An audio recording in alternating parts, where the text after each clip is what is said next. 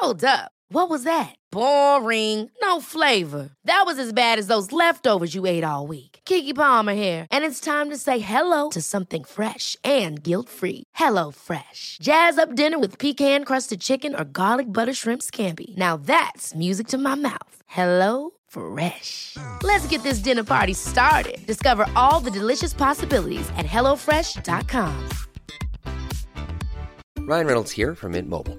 With the price of just about everything going up during inflation, we thought we'd bring our prices down. So to help us, we brought in a reverse auctioneer, which is apparently a thing. Mint Mobile unlimited premium wireless. Ready to get 30, 30, bit to get 30, bit to get 20, 20, 20, bit to get 20, 20, bit to get 15, 15, 15, 15 just 15 bucks a month. So, Give it a try at mintmobile.com slash switch. $45 upfront for three months plus taxes and fees. Promo rate for new customers for limited time. Unlimited more than 40 gigabytes per month. Slows. Full terms at mintmobile.com.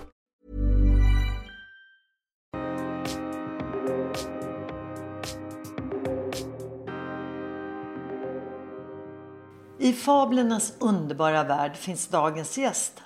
Med mycket värme och skicklighet porträtterar Helene Stalin Åkesson hundar med deras egna karaktärsdrag i människokläder och i hundens egen miljö. Den fina fabelporträtteringen visar den särskilda relationen som finns mellan modellen och Matte eller Husse. Varmt välkommen Helene till Jag är modig. Tack! Jag fick ett tips av en kompis som vet att jag älskar verkligen hundar. Och hon såg dina fantastiska tavlor på ett litet hotell i Falkenberg och eh, plåta plåtade av dem och så sms hon dem till mig. Och jag måste säga att jag har aldrig sett något liknande. Jag blev helt totalt förälskad i dina tavlor. Så berätta, hur började det här? Jag tror att teckna och måla har jag egentligen gjort sedan två, tre års åldern. Om vi hoppar ett steg framåt så tror jag att måleriet fick stå tillbaka under perioder när det var mycket plugg och eh, när barnen var små. Däremot så har jag hela tiden illustrerat även eh, i mitt, i mitt jobb. 2013 vet jag så eh, träffade du en inhyrd chef, eller hur? Ja, det stämmer. Ja. Hon inledde, vi skulle ha någon slags utvecklingssamtal och hon inledde med orden Du befinner dig på fel plats. Okej, ja. och då blir man ju lite undrande och tänker vad har jag nu ställt till Mm. med? Och hon fortsatte med att säga att du, eh, du måste gå en kurs i graphic recording i Köpenhamn. Lite senare i vårt samtal så kommer vi prata mer om eh, graphic recording och vad det är. Vad hände då eh, efter att du hade gått de där kurserna och? Då var det som att öppna en ketchupflaska för vad den metoden lärde mig det var precis som att ta bort all eventuell ängslan eller spärrar för att måla och till att istället bli helt fri. Och det måste ju vara en fantastisk känsla just när man har kommit till den punkten att man har den här, känner den här friheten och Jag var ju ganska förvånad över den känslan eftersom själva metoden egentligen inte handlade om mitt måleri. Men det, så det var en bonus. ditt illustrativa måleri så har ju du möjlighet att skildra livet som du upplever det. Eller genom någon annans ögon. Hur kom det sig att du började med fabelporträttering? Det började egentligen med att jag tog med vår labrador ut på en promenad och plötsligt på ett fält så får jag se två bolshoi-hundar och både hon, alltså min hund och jag blev förhäxade av deras eh, skönhet. De kom närmast galopperande. Jag lyckades få fram min mobil, jag plåtar dem eh, och vi går så sakteliga hemåt. Jag minns som att jag river av den tidigare teckningen i skissblocket och bara börjar rita de här eh, hundarna i form av torso och jag bara antog att det här var två systrar. Och när fantasin går på högvarv, du vet, då är skaparprocessen igång. Och någonstans parallellt med det här skissandet så har jag en gammal Vogue som jag bläddrar i och hittar då ett modefotografi eh, av två kvinnor iklädda randiga skjortor, herrskjortor. Och när jag såg den bilden och såg mina skisser så var det precis som att ja, men det är där, det är det de ska ha på sig. Och jag spann vidare på den idén, för så funkar min hjärna. Vad häftigt! Jag målade en, en teaterridå, grönsvart sammet och att de befinner sig bakom där. Eh, och kanske med risk att bli upptäckta, att de har lånat kläder som inte är deras. Gud vilken härlig fantasi du har. Det är ju helt underbart. Eh, sen följde ju en, en stridström av eh, hundporträtt. I den strömmen är jag fortfarande nu eh, några år senare. Hur ser processen ut när du får en beställning? För det är ju både privat och företag. Om det kommer en, en person till mig som då har en, en hund, då ber ju jag dem oftast att berätta någonting om sitt djur. Före corona så träffade jag ju gärna hundägaren med sitt djur på plats. Men när man inte kan det, då får jag ju oftast foton med en beskrivning om karaktär. Mm. Jag gör ju förvisso porträtt, men jag fäster ju stor vikt vid sammanhanget, miljön. Så det, det, är många frågor kring det och nästa steg är ju då att jag gör eh, hastiga skisser och kanske fördjupar dem lite och sen kommunicerar vi dem. Mm. Alltså det är ju en otrolig research som ligger bakom varje tavla, varje målning är det Det kan man säga. Och sen så låter jag ju eh, mina beställare följa hela processen. Mm. Jag ser ju också möjligheten när vi kommunicerar löpande att att vi inte bestämmer alla detaljer från början, att jag kanske, om det är en interiör, om inte den har någon riktig, så att säga faktisk förebild, så bygger vi upp den. Mm. Då får jag oftast lämna förslag på hur vi ska inreda. Och det är ju en slags överenskommelse som bara jag och beställaren har. Du vill väl att de ska känna sig trygga också med att du har uppfattat deras hund på rätt sätt och så?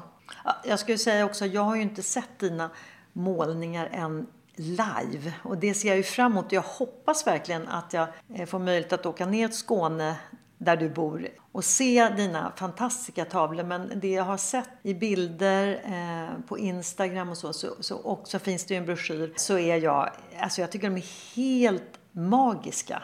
Apropå det så finns det ju faktiskt en liten broschyr som visar dina eh, fina fabelhundar. Och sen är det ju jättefina texter som författaren och kommunikatören Åsa Nilsson har skrivit. Och eh, jag tycker att det är en eloge till henne också för att texterna ger ju ytterligare en dimension till modellens personlighet och karaktär. Man känner ju verkligen att eh, du och Åsa kompletterar varandra. Och i, i den här lilla broschyren så har jag en favoritmodell och det är ju hunden Plura som är en boxer. Han är, ja, alltså han är ju helt, alltså det är inte så att jag haft någon speciell förkärlek till just den rasen. Men de här målningarna och hans uttryck är bara helt underbara tycker jag. Och jag tänkte bara för att vi ska ge våra lyssnare en liten eh, känsla för texterna som kompletterar dina bilder så tänkte jag bara läsa, läsa upp några rader ifrån den här broschyren. Och det är då till modellen Plura. Han går ner innan någon annan vaknat. Fiskegubbarna och bagaren oräknade eftersom de är ju redan igång i flera timmar. Den välbekanta miljön, ensamheten som är helande och viktig, den tidiga morgonens rofyllda uppvaknande och sedan hastigt men ljudlöst på med kläderna. En kort promenad ner, skorna som åker av, byxbenen som viks upp och tårna som försiktigt bryter vattenytan för att bedöma dagens temperatur. Invanda rutiner som bidrar till ett inre lugn och en känsla av frid. Och så fortsätter texten. Alltså jag tycker det här är, man blir bara helt kär. Apropå det där med frihet också. När jag är klar med ett porträtt och har haft möjlighet att samarbeta med Åsa så lämnar jag ju det över. Då tar hon vid och så ställer jag mig liksom vid sidan. Den tilliten att känna att jag går inte mm. in i den processen utan då är det hon som skapar. Ni har en, en fantastisk eh, connection känner man er emellan. Ja, det tycker ju jag är oerhört spännande. Mm, just det. Alltså jag tycker de är helt magiska. Tack! Och apropå mod, vad är mod för dig Helene? I grund och botten så anser jag att det är att våga stå upp både för sig själv men att också kunna fo flytta fokus från det egna jaget och göra omvänt detta för någon annan med, utan att, så att alltid kalkylera hur, hur det drabbar mig. Eller, alltså att ta en risk. Eh, civilkurage är ju en, en sådan mm. aspekt. Ja, det är ju ett mod att ha civilkurage. Hej, jag Ryan Reynolds. At Mint Mobile, we like to do the opposite of what Big Wireless does. They charge you a lot. we charge you a little. So naturally, when they announced they'd be raising their prices due to inflation, we decided to deflate our prices due to not hating you. That's right. We're cutting the price of Mint Unlimited from $30 a month to just $15 a month. Give it a try at mintmobile.com slash switch. $45 upfront for three months plus taxes and fees. Promo for new customers for limited time. Unlimited more than 40 gigabytes per month. Slows. Full terms at mintmobile.com. Quality sleep is essential. That's why the Sleep Number smart bed is designed for your ever-evolving sleep needs. Need a bed that's firmer or softer on either side? Helps you sleep at a comfortable temperature? Sleep Number smart beds let you individualize your comfort so you sleep better together. JD Power ranks Sleep Number number 1 in customer satisfaction with mattresses purchased in-store. And now, save 50% on the Sleep Number limited edition smart bed for a limited time. For JD Power 2023 award information, visit jdpower.com/awards. Only at a Sleep Number store or sleepnumber.com. Life is full of what ifs. Some awesome, like what if AI could fold your laundry, and some well, less awesome, like what if you have unexpected medical costs. United Healthcare can help get you covered with Health Protector Guard fixed indemnity insurance plans they supplement your primary plan to help you manage out of pocket costs. No deductibles, no enrollment periods, and especially no more what ifs. Visit uh1.com to find the Health Protector Guard plan for you. Följa sin inre röst, att våga, som i mitt fall, att, att våga eh, måla har jag ju alltid gjort, men att våga visa det för andra. Eh, att, att våga tro på det, att det ger andra någon form av behållning. Mm. Eh, att ta risken att få kritik. Ett väldigt stort mod, framförallt precis som du säger att våga tro på sig själv och, och våga visa upp det här och, och, ta emot kritik som kan vara både positiv och negativ. Det beror ju på, men ändå våga tro på sig själv. Det är ju ett jättestort mod. Det. Och apropå mod så är det ju så här att din profession är ju inte konstnär utan du är ju byggnadsantikvarie. Det stämmer. Ja, spännande. Och men vad gör en byggnadsantikvarie?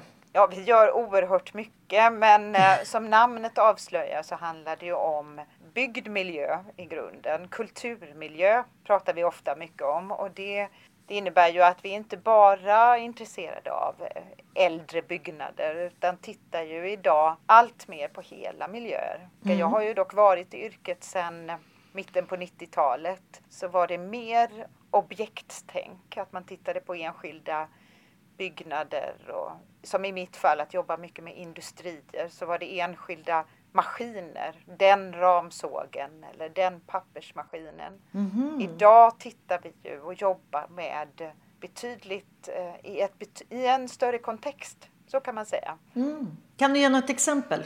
Så vi förstår lite bättre. Ja, det kan till exempel vara en äldre industri. För jag har jobbat mycket med tekniska och industriella miljöer där man eh, kanske har några av byggnaderna på området som inte längre används i produktionen. Men där man också samtidigt har en önskan att, att man ska hitta användningsområden. Och där kan ju vi som museum, jag jobbar ju på ett ett stort regionalt museum mm. gå in och vara som en slags, vad ska jag säga, spindel i nätet där vi eh, lyfter kulturvärden, vi har kunskap om äldre byggnader, men vi kan samtidigt också initiera samverkan mellan, låt säga, näringsliv, kommun, ideellt engagerade. Så att vi, vi jobbar ju där. Men sen finns det andra delar i vårt arbete där vi eh, också är ett stöd för kommuner i, eh, så att säga, i bygglov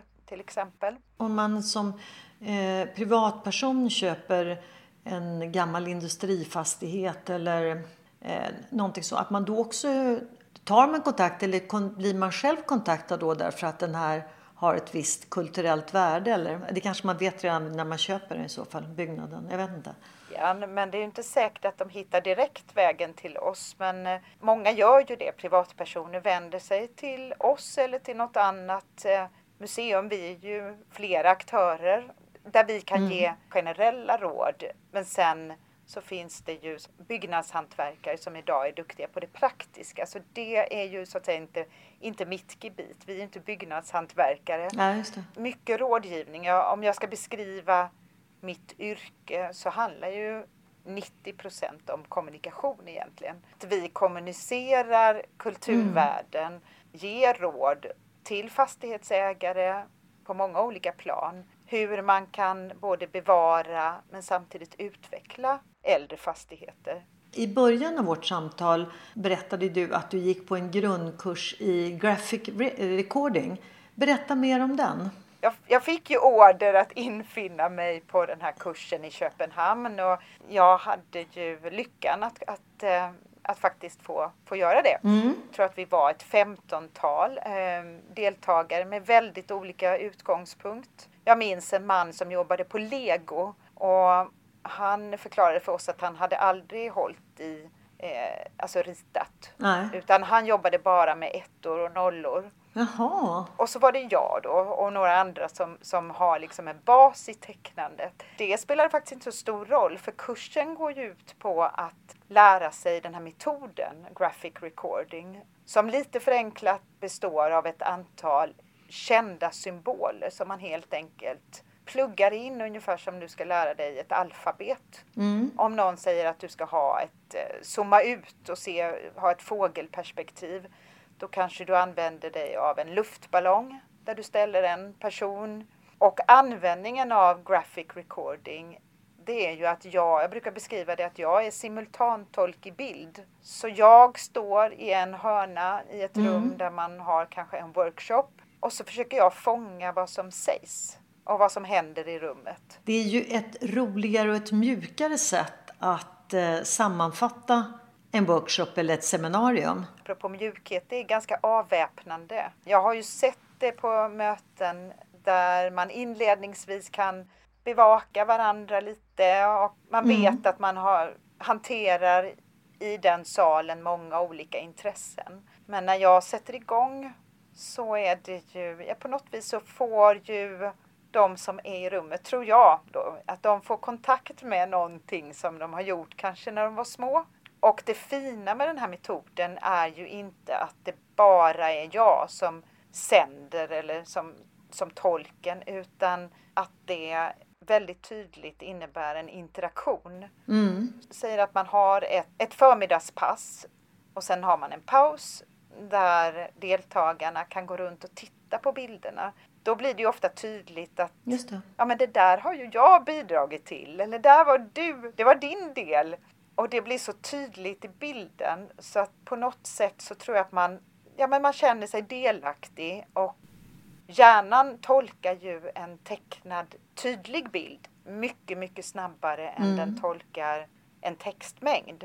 Så att om jag sammanfattar vad som sägs så blir det ju annorlunda än att ge en grupp tre sidor minnesanteckningar där du säger på andra sidan, tredje stycket, fjärde raden. Och istället har man då kanske två jättestora bilder som man hänger upp i sin korridor eller som man naturligtvis kan fota och skicka ut. Så kan man direkt i bilden gå tillbaka till vad som hände.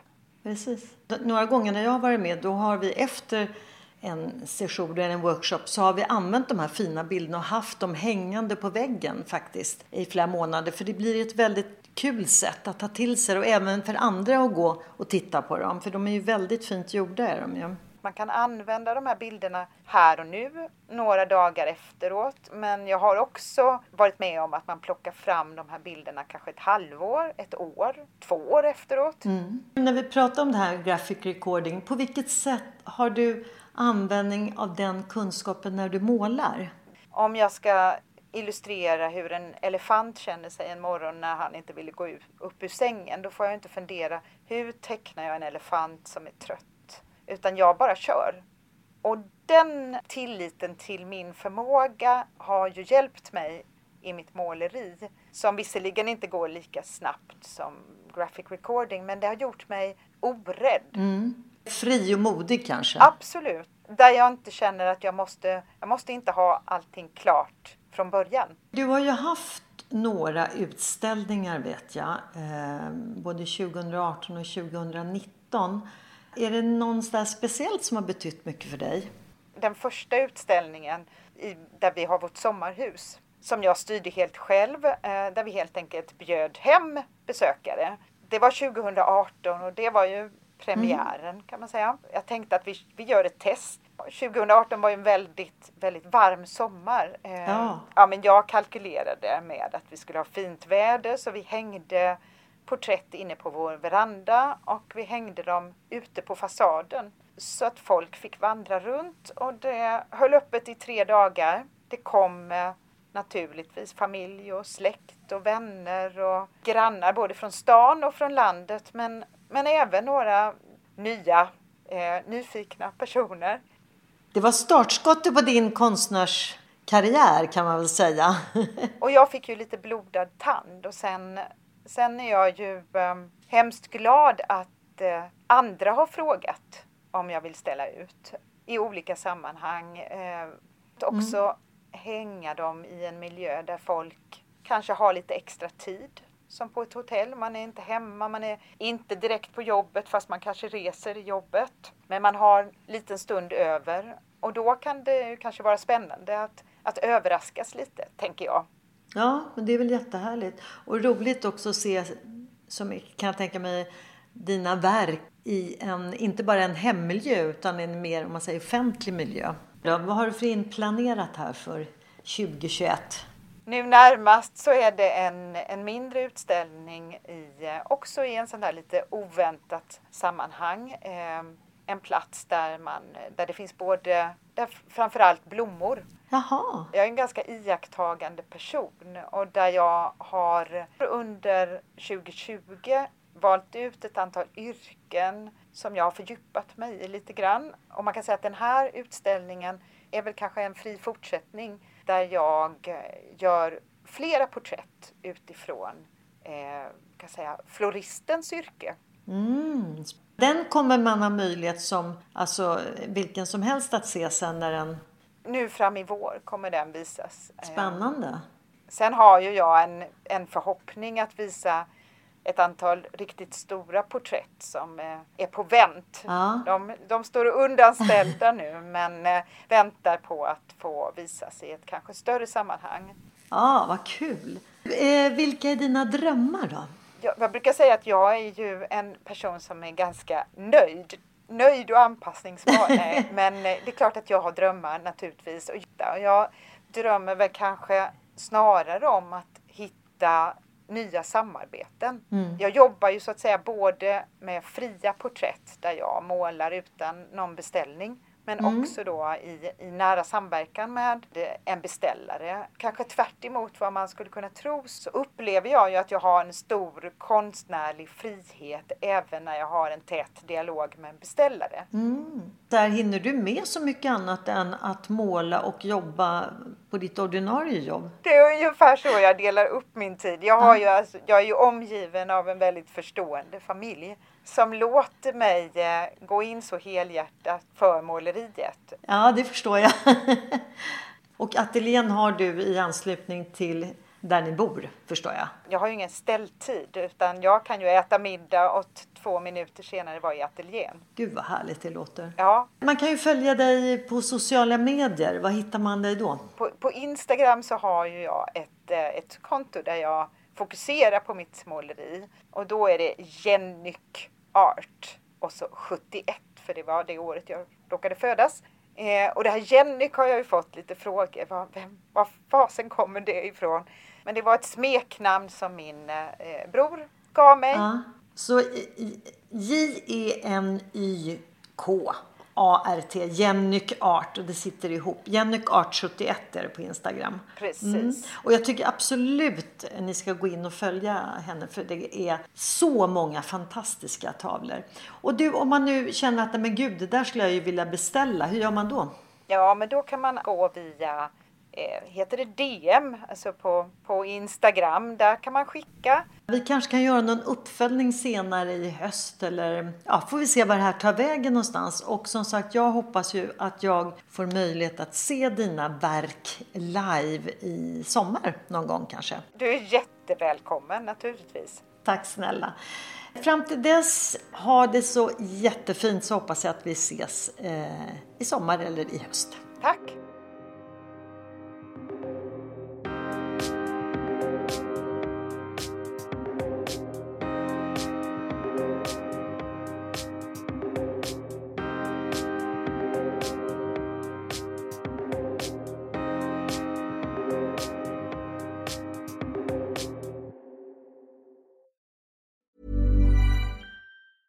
Hey, folks, I'm Mark Marin from the WTF Podcast, and this episode is brought to you by Kleenex Ultra Soft Tissues, your ally to help tackle your allergy symptoms this season. I love the change of seasons, but nobody loves pollen and all those other things floating in the air that make you sneeze during this nice weather. Kleenex Ultra Soft Tissues are hypoallergenic and allergist approved, so fight back against watery eyes and runny noses without worrying about irritating your skin. For this allergy season, grab Kleenex and face allergies head on. Hold up. What was that? Boring. No flavor. That was as bad as those leftovers you ate all week. Kiki Palmer here, and it's time to say hello to something fresh and guilt-free. Hello Fresh. Jazz up dinner with pecan-crusted chicken or garlic butter shrimp scampi. Now that's music to my mouth. Hello Fresh. Let's get this dinner party started. Discover all the delicious possibilities at hellofresh.com.